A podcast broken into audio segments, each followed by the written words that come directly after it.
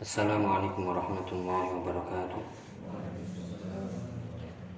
Alhamdulillah wassalatu wassalamu ala Melanjutkan uh, sejenak dari dalil-dalil ulul himmah dan dalil yang menyeru kepada motivasi ekstra dalam beramal soleh khususnya telah ilmi syar'i dan juga uh, amal-amal soleh yang lainnya tentunya baik dari Al-Quran kemudian juga sunnah Nabi SAW ucapan salafun soleh dan juga kita tunjang dengan uh, ungkapan dalam syair Arab. Ya silakan. Qad hayyauka Qad hayyauka bi amrin law fatinta lahu farabi'a farba antara antara antara ma'al hamali ma'al hamali ya. Ini ungkapan dalam syair ya. Qad hayyauka di amrin law fatinta lahu farba fil amr binafsika antar'a ma'al hamani ya tentunya ini harus ada pendalaman ya. Uh, ada yang sudah tahu artinya? Ya ini seolah-olah ya uh, ada seseorang yang dipersiapkan untuk perkara yang besar. Ya ada seseorang yang hidup di tengah-tengah ya kaum kaum ini sangat berharap si fulan ini akan menjadi penerus ujung tombak dari kaumnya itu sendiri. Ya sehingga dikatakan qad hayyauka. Qad hayyau qad artinya sungguh. Setelah itu fi'il hayyauka. Hayyauka. Fi'il fi'il apa? Fi'il madhi wazannya? Hayya hayya hayyau ayo ya hayya itu dari fa'ala yufa'ilu hayya hayya hayyau hayya itu artinya mempersiapkan. Ya hayyauka sungguh mereka telah mempersiapkanmu yaitu kana sebagai ya sebagai maf'ulun bi ya fi ma'ali nasbin Ya sungguh mereka telah mempersiapkan muli amrin untuk sebuah perkara atau urusan. Ini urusannya dinakirohkan. Ya ini bukan perkara yang apa uh, umum, tapi perkara penting. Lau fatin talahu. Lau kalau seandainya fatinta dari kata fatona dulu kalau kita SD mungkin ya. Empat sifat Nabi itu. Jujur fatona. Ya asidku fata, fatona. Amanah. Apa fatona itu? Coba ngerti. Fatona itu apa? Ya fatona itu cerdas. Fatona itu nabi itu cerdas ya nabi itu cerdas paham. Faton itu artinya cerdas paham berakal. Ya berarti ini seolah-olah ya ya, ada seseorang yang sedang lalai, sedang terombang ambing dengan temannya, teman sebayanya. Kemudian uh, pemuka kaumnya ini, orang-orang tuanya ini yang mengingatkan, ya kamu ini sebenarnya sedang dipersiapkan untuk sebuah perkara yang penting lo fatin kalau engkau cerdas akan perkara itu. Ya kalau engkau paham akan perkara itu. Ya akhirnya diperintah apa perintahnya? Farbah binafsika. Farba itu artinya tingkatkan dirimu. Farba binafsika. Apa? Ya, tingkatkan dirimu. Ya, tingkatkan dirimu. Antar ma'al hamal. Daripada engkau tar'a ro'a yar'a artinya? Meninggalkan ro'a yar'a ro'i ro'i ya karro'i yar'a haulal hima di hadis arba'in Orang yang masuk kepada perkara syubhat itu seperti orang yang ya karra'i yar'a haulal hima yushiku an yarta'a fi. Ya ini ya. Makanya uh, bahasa Arabnya ini. ya itu itu kalau ngerti bahasa Arab enak maksudnya. Langsung set masuk gitu, masuk ke hati, masuk ke pikiran. Karra'i yar'a haulal hima, orang yang masuk dalam perkara subhat itu seperti penggembala yang masuk menggembala di haulal hima di daerah larangan. Ro'in itu artinya penggembala. Ro'a yar'a artinya menggembala. Daripada engkau menggembala ma'al hamal. Ya, menggembala dengan ketidakjelasan. Dengan orang-orang yang menggembala. Ya, maksudnya itu jangan engkau apa? tenggelamkan dirimu dengan orang-orang yang sama-sama menggembala kambing ini yang nggak jelas. Maksudnya uh, tingkatkan dirimu. Engkau ini dipersiapkan untuk perkara yang penting. Coba kita diciptakan untuk apa? Mama khalaqtul mama khalaqtul jinna wal insa illa. Nah, ini apakah beribadah itu perkara penting? Sangat penting, sangat utama. Nah, makanya tingkatkan dirimu untuk terus beribadah, menuntut ilmu. Jangan ya berkumpul bersama orang-orang yang lalai ini. Seolah dia menggembala, bersenang-senang ya dengan gembalaannya, dengan dunianya itu. Ya, maka tingkatkan dirimu, angkat dirimu, jangan sampai terus-menerus menggembala kambing dan gak jelas. Itu maksudnya. Ya ini uh, syair ini dijelaskan di YouTube ada ya penjelasan dari Syekh Soleh Al Fauzan, tapi tapi bahasa Arab. Ya nanti nggak apa kita kirim. Jadi apa maksud uh, syair ini adalah uh, Syekh Fauzan langsung menjelaskan. Maksudnya itu kita itu uh, tujuan kita apa? Perkara penting tujuannya itu ibadah, amal soleh. Ya, kalau engkau paham, lau fatin talahu maka farba binafsika ini motivasinya yaitu kobarkan sematmu untuk naik naikkan levelmu maksudnya. Naikkan levelmu dikit dikit dikit jangan terus menerus teramal hamal ya mengembala tanpa kejelasan tanpa tujuan. Sampai kapan mengembala? Ya artinya uh, terus naikkan jiwamu dirimu menuntut ilmu belajar amalkan terus naik ya sampai hatta dia akan yakin Ya dan jangan berkumpul bersama para penggembala ini. Maksudnya itu gambarannya ya kita kan hidup di tengah-tengah ya. Uh, ada yang paham apa tujuan hidup, ada yang enggak. Ya kita yang paham kalau fatinta kita pasti apa tujuannya? Ya ibadah, fokus ibadah pokoknya. Jangan apa? Ya jangan tenggelam ikut-ikutan ke sana yang nggak ngerti tujuan hidup. Ya kita kena pengaruh biasanya yaitu karena kita tadi arudud dunia. Ya tadi sudah saya kirim tadi makna arudud dunia dan juga makna yang lain. Arudud dunia itu cepat habis. Kenapa? Apa yang di sisi kita itu pasti cepat habis. Ada ayat tadi sudah saya kirim yaitu ma'indakum yanfat wa ma'indallahi baqin. Apa saja di sisimu itu pasti lenyap dan apa yang di sisi Allah pasti kekal Ya, berarti apa yang sisi kita ya harta, wanita, jabatan, apalagi ya semua itu pasti akan lenyap. Tapi banyak orang menjual agamanya untuk mencari itu, menjual tujuan hidupnya untuk ya untuk dunia itu. Padahal yang sisi Allah berupa pengampunan, rahmat, pahala, ya surga, ketenangan, ya rahmat Allah itu akan selalu kekal kita bawa sampai ya sampai matinya. Ya jadi ini ini uh, coba ya nanti saya kirim silahkan didengar aja lah nggak apa-apa. Yang dari Syekh Soleh Fauzan itu farba binafsika antar amal hamal. Ini syairnya panjang ya tapi dipotong dua ini. Eh, Qad hayyauka di amrin law talahu farba binafsika antar amal hamani Sungguh mereka telah mempersiapkanmu untuk perkara yang penting kalau engkau paham maka tingkatlah dirimu ya jangan kau menggembala terus nggak jelas.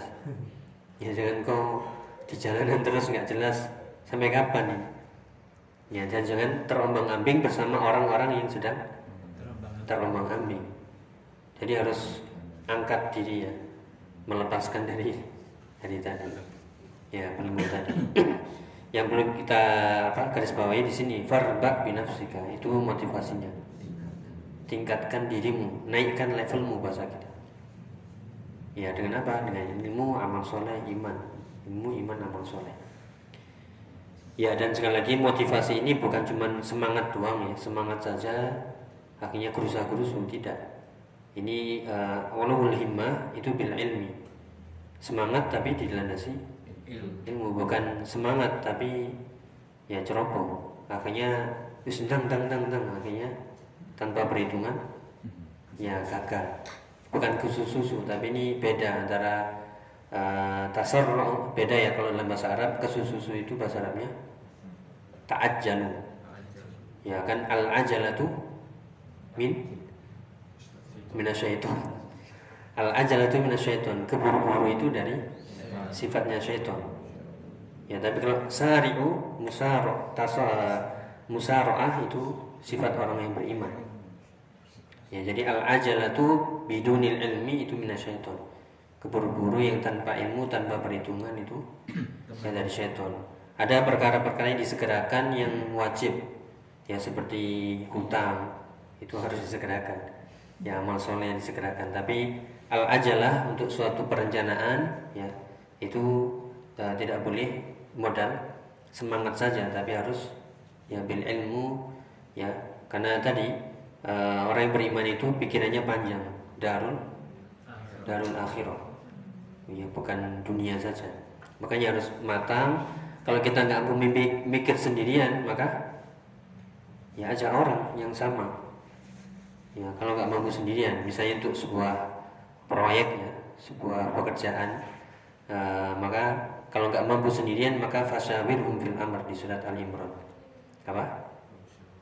Ya bermusyawarahlah dalam urusan. Fa idza azamta fatawakkal Allah. Kalau engkau sudah bertekad maka tawakallah. Tapi sebelumnya ya sering-sering ya musyawarah. Ya itu jadi uh, dalil-dalil ya dari Al-Qur'an, Sunnah dan juga uh, syair. Ada yang mungkin ditanyakan? Ada yang nyalur ini listriknya? Atau nggak nyambung ini? Ya, uh, sinyalnya nyambung ya? Ya, wifi-nya uh, kencang atau lemah nggak tahu. ya, tinggal nanti ketika di rumah, ya, ya apinya tadi masih menyala-nyala atau langsung. Ya, ketika di jalan oh, semangat ngebut, hmm, ya. pas di rumah, ini gua nggak mau jajan enggak loh enggak bawa apa-apa ya uh, jadi ini uh, motivasi ya atau ulul himmah yang sekali lagi ini bisa umum ya semua ibadah ya seperti inilah salafun soleh yang pernah kita sebutkan di mukadimah kalau salafun soleh nggak ada ulul himmah nggak ada ini hadis ini hadis riwayat-riwayat Quran ilmu-ilmu ucapan-ucapan Coba ucapan Imam Hasan Basri ini. Siapa yang nyatat ini? Kira-kira siapa ini? Ya muridnya, muridnya, muridnya, muridnya tercatat sampai kitabnya kita Lataif Ma'arif di Ibnu Rajab. Kalau orang nggak ada semangat, alas dengerin, nggak usah dicatat, nggak usah disampaikan, atau nggak namanya nggak ada semangat ya, kan dengar ucapan set gitu aja, langsung hilang. Tapi karena ini ulul himmah setiap perkataan itu ya catat seret akhirnya sampai ke kita. Ya kalau nggak ada ulul himmah nggak ada. Ya nggak ada uh, ayat-ayat hadis-hadis motivasi ya semuanya lenyap. Ya semuanya hilang. Meskipun ya uh, sunnatullah Allah tetap akan menegakkan kaum ya la tazalu ta'ifatun min ummati zahirina 'alal haq akan senantiasa ada kaum yaitu sekelompok umat yang tegak di atas al-haq. Selalu ada ta'ifah mansura, ada firqatun najiyah, ada al-sunnah. Meskipun ya kadang banyak di suatu generasi, kadang sedikit dan tentu lama kelamaan akan sedikit namun yakin uh, fathun qarib yaitu apa? Ya pertolongan itu dekat kalau sabar dan yakin. Ya. Saya ya, uh, cukup ini biar nggak meledak-ledak nanti. ya nanti uh, dikhawatirkan semangat tinggi tapi tanpa ilmu. Ya tidak ya, insya Allah uh, semangat ya, motivasi. Tujuan kita motivasi itu ya karena ingin mendapatkan yang lebih. Ya tadi disediakan ya surga yang luasnya apa? Seluas langit-langit dan bumi-bumi berlapis-lapis. Kemudian juga kenikmatan-kenikmatan dan juga untuk selamat dari fitnah yang fitnahnya itu seperti ya potongan-potongan malam yang gelap kalau kita jalan yang mungkin daerah Pujon sana yang gelap. Nggak ada lampu sama sekali. Kira-kira gimana ini? Lampu mati ini mati semuanya. Ini kan berarti ya harus ada nur. Ya kehabisan bensin lagi. Nggak ada amal soleh. Ya HP nggak ada. Ya merana sudah. Ya dan juga tadi uh, saking beratnya fitnah kita nggak tahu mana mukmin mana kafir mana benar mana salah mana yang amanah mana yang khianat. Karena banyak orang menjual agamanya dengan arad dan minat dunia. Ya arad tadi ya perlu diingat uh, kenikmatan kemewahan ya harta benda syahwat semuanya itu yang semuanya nampak datang dan ya datang dan pergi. Itulah dunia. Ya cuman kita kalau kehilangan dunia rasanya gimana? Ya nelongso padahal dunia itulah datang pergi datang pergi. Lapo ditangisi ditangisi itu kalau ketinggalan majelis ilmu ketinggalan hafalan ya. Ketinggalan sholat sunnah ketinggalan sholat berjamaah ketinggalan sodako misalnya. Itu nangis getun gak ruan-ruan tapi itulah kebaliknya gitu. ya dan tadi terakhir uh, irba binafsika yaitu naikkan levelmu. Ya jangan menggembala bersama ya penggembala yang gak jelas mal hamal hamal itu uh, tidak jelas seperti apa tujuannya ya tar'a diibaratkan kan tadi gambarannya ini orang yang sedang dipersiapkan untuk perkara penting ya jangan lupa tingkatkan levelmu jangan terus menggembala bersama orang-orang sekitarmu orang-orang sekitarmu ini banyak yang rusak Jangan ikut-ikut ke sana. Ya, kan seperti al-ghuraba. Ya, orang yang ghuraba. ini satu yang fi'il. Ro'a yar'a. Jadi kita ro'a yar'a. Itu domennya kembali ke domennya siapa? Anta ya. Ke nafsika anta. Ya. Ya seperti ghuraba tadi yang uh, alladhi alladhi yasluhu hina fasadan nas yang selalu baik ketika manusia banyak yang rusak atau yuslihu ma afsadan nas. Atau memperbaiki apa yang yang dirusak oleh manusia. Ya jangan malah katut ya. Wallahu a'lam Tapi ya, uh, mungkin itu yang kita bahas. Setelah ini ada sebab-sebab yang bisa meningkatkan semangat untuk menuntut ilmu. Apa saja poin-poinnya nanti akan kita sebutkan. Jadi yang tadi umum ya sekarang khusus dalam hal talabul ilmi syar'i. Wallahu a'lam Mungkin ada yang tanyakan? Ini silakan. Masalah di bulan haram ya Pak ada amalan-amalan khusus itu. Masalah apa? Masalah di bulan Muharram. Oh Muharram. Yang yang di uh, kan kalau di uh, Ashurul Hurum ya bulan-bulan mulia itu uh, Dzulqa'dah, Dzulhijjah, Muharram dan Rajab. Ya, besok Muharram ya. Ya, jadi termasuk bulan-bulan mulia yang kalau zaman dahulu ya, kalau zaman dahulu dilarang perang karena lihormati Ashurul Hurum. Berarti bulan-bulan yang di situ harus diperbanyak amal soleh. Ya, tidak ada amalan khusus, pokoknya ditekankan ya terutama yang amalan khusus hanya puasa puasa Muharram itu tanggal 10 ya boleh 9 10 atau 9 10 atau 10 11 atau tiga-tiganya ya atau minimal 10 saja 10 Muharram yang dikatakan nggak ada itu yang Dzulhijjah jadi uh, yang ditekankan kalau itu puasa puasa Muharramnya saja tanggal sepuluhnya. Tapi Rasulullah mencontohkan kalau aku hidup apa tahun depan aku puasa tasua. Berarti Nabi sudah meniatkan tanggal 9 dan 10. Kemudian ada yang contohkan lagi karena selisihlah orang-orang Yahudi dan Nasoro. Mereka biasanya puasanya itu uh, apa namanya? Ya 10. Biar nggak sama maka tambahlah 11-nya. Jadi boleh 9 10 ya 10 11 atau 9 10 11 kalau mampu ya kalau nggak mampu ya 10 saja Ya.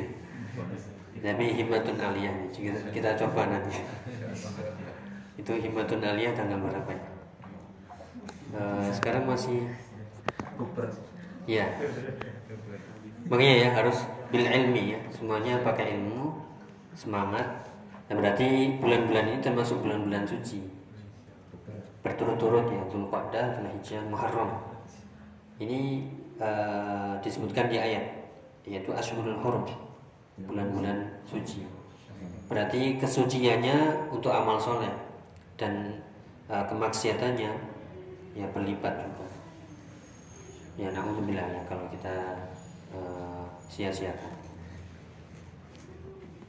ya dan tidak ada keyakinan-keyakinan aneh bulan syuro bulan angker bulan keramat ya bulan memandikan senjata ya bulan anti hajatan ya suruhan ya kemudian megengan nanti selamatan desa dan sebagainya oh iya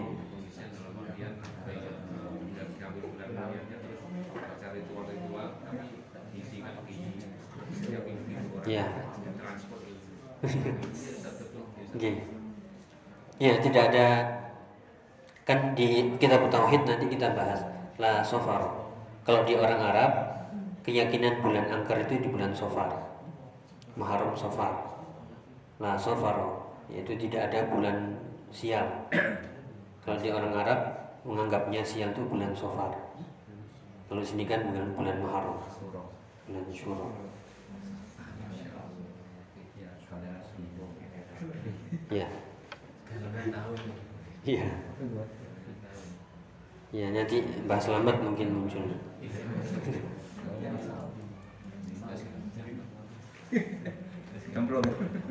Siap ya, ada lagi mungkin cukup. Terus ada lagi masalah itu Oh, iya. Kemarin itu ada himma aliyah. Iya, silakan. Kan kita diundang masalah pengisian tadi bulan ini hitung-hitung mau dikasih rambut katanya uh, hujannya seperti uh, Zaid bin Sabit tawasul pada uh, rambutnya Rasulullah. Hmm. itu apa dibenarkan atau enggak itu apa ada ya. atau enggak itu yang kita bahas di tabarruk ya yang sudah lewat tabarruk di uh, zawatin Nabi dengan sisa-sisa tubuh Nabi itu sudah nggak ada. Meskipun ada orang yang nemu rambutnya asli Nabi nggak ada? nggak ada kesaktiannya oh bukan iya. pada memang ada mereka Iya. Ya kalau kita kan tegak di atas dalil ya. Nah, kalau itu untuk tujuannya tabarruk kemudian mengisi ya uh, itu kan tidak ada contohnya. Jadi Eh, lau kana khairan la sabaquna la sabaquna ilaih. Kalau saja itu baik pasti amalan-amalan ini sudah dicontohkan para sahabat, para tabi'in, Imam Syafi'i, Imam Syafi'i, Imam Ahmad disebutkan di kitab-kitab mereka dan diamalkan oleh ulama-ulama Saudi Arabia ya. Saudi bin saya bin Bas itu pasti menjelaskan hal itu. Ya, tapi karena nggak ada, ya kemudian adanya hanya mungkin di sebagian tempat. Nah ini butuh dalil. Kan hatu burhanakum in kuntum shodiqin. Ya, tunjukkan mana dalilmu karena urusan uh, kebaikan itu mana dalil. Ya, bukan lakukan terserah, itu urusan dunia. Kalau urusan dunia terserah. Tapi urusan agama ya mana dalilnya? Kita berhenti kalau nggak ada dalil. Tapi kalau ada dalil, ya itu kan manhaj ya, Ya, jadi apalagi pengisi-pengisian tadi apa isi apa isi ngisi anu jin tadi. Oh nggih, enggak perlu datang.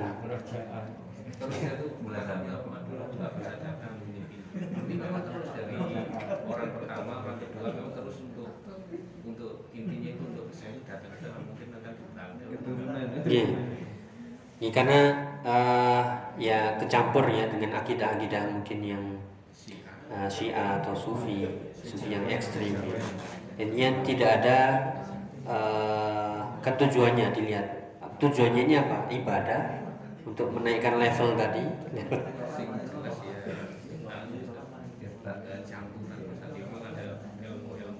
Ya yaitu yang seperti ma'ruf ya ma'ruf ma'ruf. Uh, itu pengisian jin ber, ber apa? ya dan juga jinnya nanti banyak yang diisi. Nggak bisa keluar keluar hasilnya. Iya.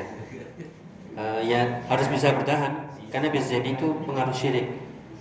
Kan bisa jadi syirik. Kesyirikannya. Iya. Oh ya tadi Pak Yahya dulu nanti. Monggo Pak. Oke.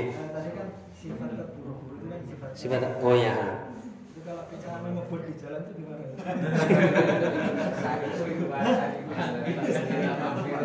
Ya.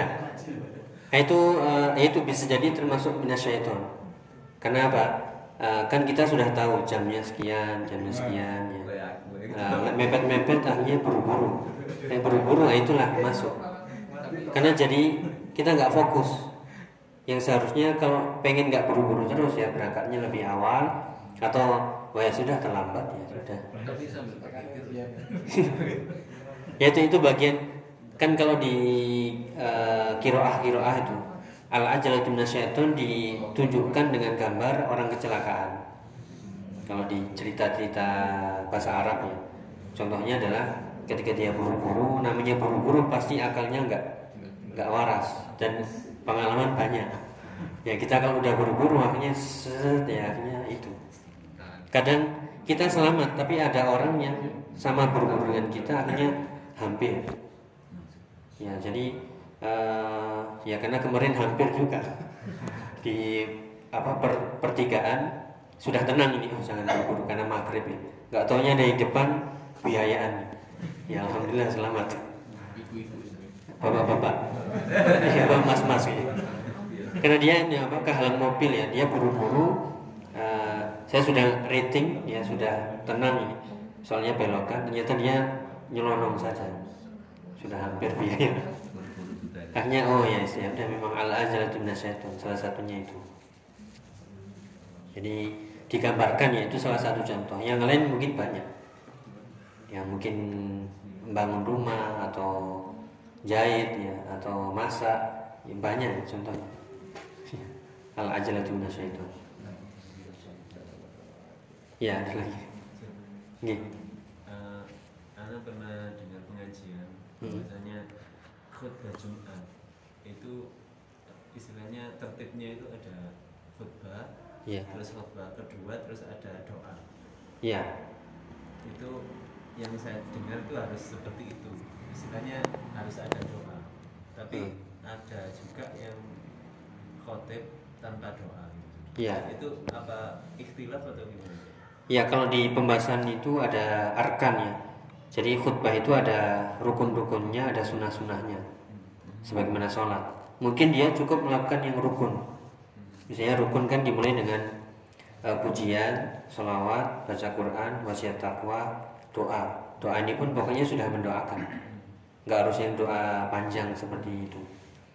Ya jadi selama itu sudah terpenuhi sudah eh, apa namanya khutbahnya sah. Ya, karena ada dulu waktu saya di Iya. itu ada dai yang mengatakan harus ada doa, jadi sehingga khutbahnya nggak sah, maksudnya jumatannya itu nggak sah. Gitu. Iya. Ada seperti itu atau atau memang buat pendapat. Nah ini ya eh, saya bacakan kalau di syarat-syarat khutbah Jumat ya. Ini disebutkan dari Syekh bin Bas ya. Yang pertama tadi kita sebutkan alhamdulillah pujian kepada Allah wasana Allah ini pujian. Kemudian dua sy- syahadat ya seperti apa mukadimah itu. Kemudian menasihati manusia mengingatkan ya dengan takwa dengan ayat dengan hadis.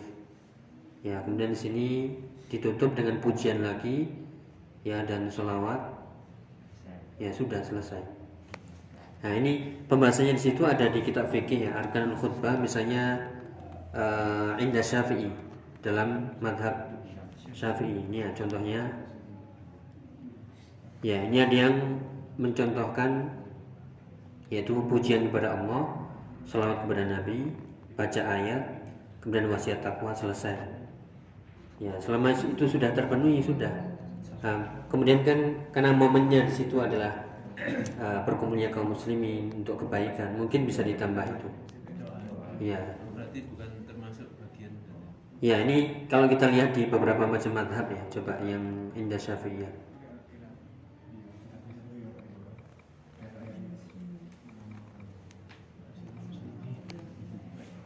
Nah ini kalau eh,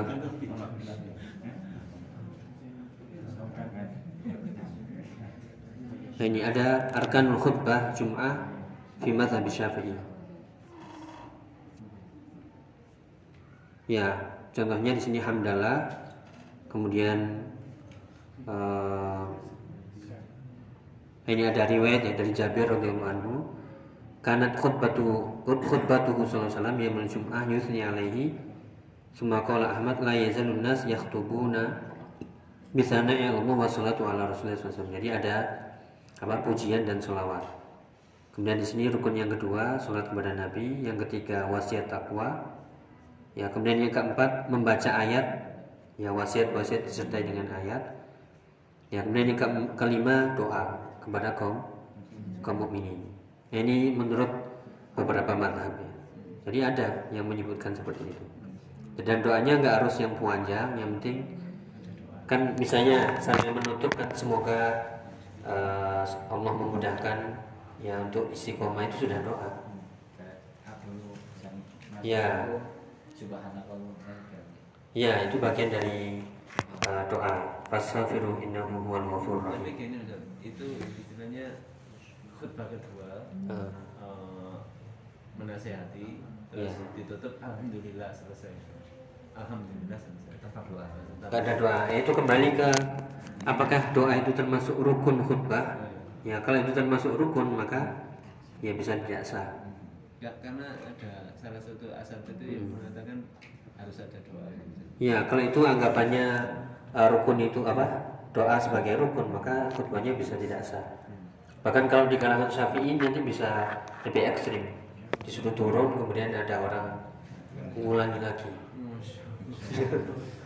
Kita aja yang nggak tahu ya. Jadi uh, di sebagian kalangan Nahdien itu ada yang kritis itu. Misalnya nggak ada selawatnya, padahal kita sudah Innal hamdalillah nahmaduhu wa nasta'inu wa nastaghfiruh wa nasyhadu an la ilaha illallah wa anna muhammadan abduhu wa rasuluh. Enggak ada wasiat takwa. Padahal kita sudah baca ya ayyuhalladzina amanu taqullaha haqqa tuqatih. Wala tamutunna Ya, sudah baca itu. Ya, karena mungkin nggak tahu bahasa Arab ya sehingga mana nggak ada ucapan bahasa biasanya yang apa memerintahkan takwa. Ya, jadi kembali ke madhab mungkin yang mau mohon besar. Eh, jadi harus dicek kembali apakah itu sepakat empat madhab mengatakan doa itu adalah rukun khutbah. Kalau rukun maka harus ada doa. Doanya pokoknya ada ucapan doa sedikit ya sudah cukup sudah sah. Kalau di Saudi? Ada doanya. Bahkan panjang, M- mungkin yang pernah ke sana ya. Yang alhamdulillah kemarin khutbah di Mekah Madinah panjang-panjang. Bahkan eh, Syekh siapa? Sulaiman Ar-Ruhaili panjang. Syekh Abdul Syekh Abdul Razak panjang. Dari awal sampai terakhir kayak doa ya. Iya. Baca Arab soalnya. Kalau di sana apa? Semuanya ada lebih ini panjang. Ya karena eh, saya sih. ya karena saya biasanya kan eh, nulis khutbah Jumat ini. Itu referensinya khutbah khutbah Jumat Syekh Fauzan, Syekh Abdul Razak, ya saya Munajjid, ya dari dari teks-teks Arab. Semuanya ada doa lengkap. Mungkin kalau mazhabnya dari Syekh Mungkin pun nggak ada doa bisa mungkin. Ya mungkin itu. Yaman kan nggak ada ya. Ya. Pasti langsung gitu. Setelah ceramah khutbah kedua langsung nggak nggak pernah ada doa. Cuma ya doa dikit-dikit biasanya. Iya. Tapi kalau biasanya Ustaz Usama kalau di tempat umum gitu ada doanya. Tapi kalau di pondoknya itu Ya, berarti kan di situ ada madhab berarti. Yang penting ketika di luar memandang madhab syafi'i itu kalangan seperti ini, biar tidak konflik. Sudah. Nah, berarti di situ ada mengenai pendapat. Ya, cuman ya itu tadi. Kapan kita menerapkan itu, kapan tidak itu kan melihat kondisional. Jangan sampai kita saklek kemudian akhirnya tadi timbul fitnah. Dan juga kita yang pahami oh ya biasa aja nah, nanti ya mungkin doa itu ya apakah coba ini kita lihat ya uh, halid doa min arkan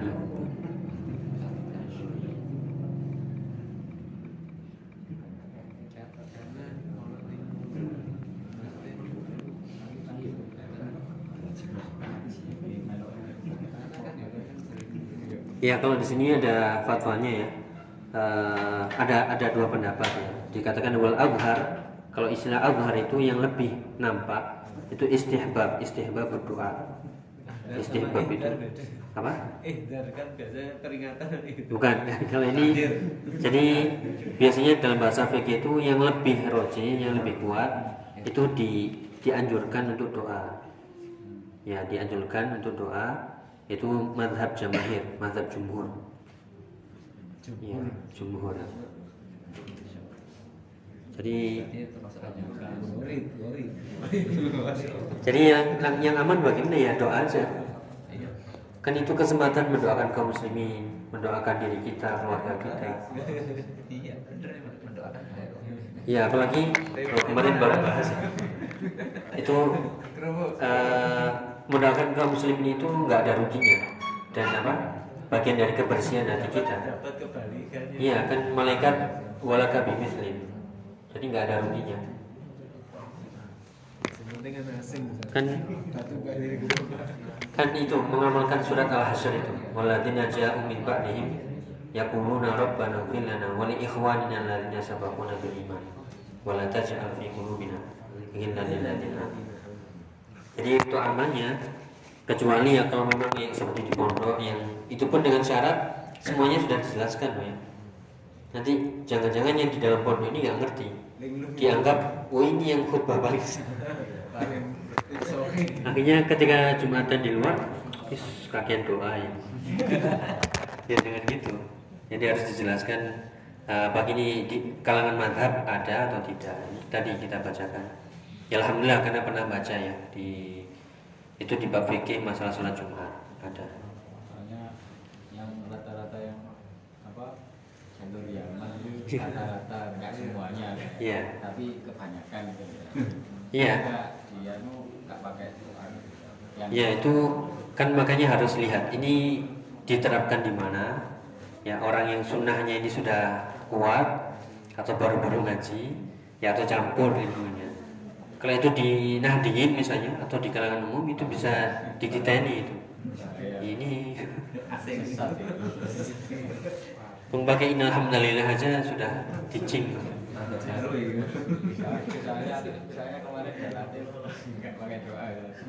ya. Itu ya tinggal kita berarti kita harus belajar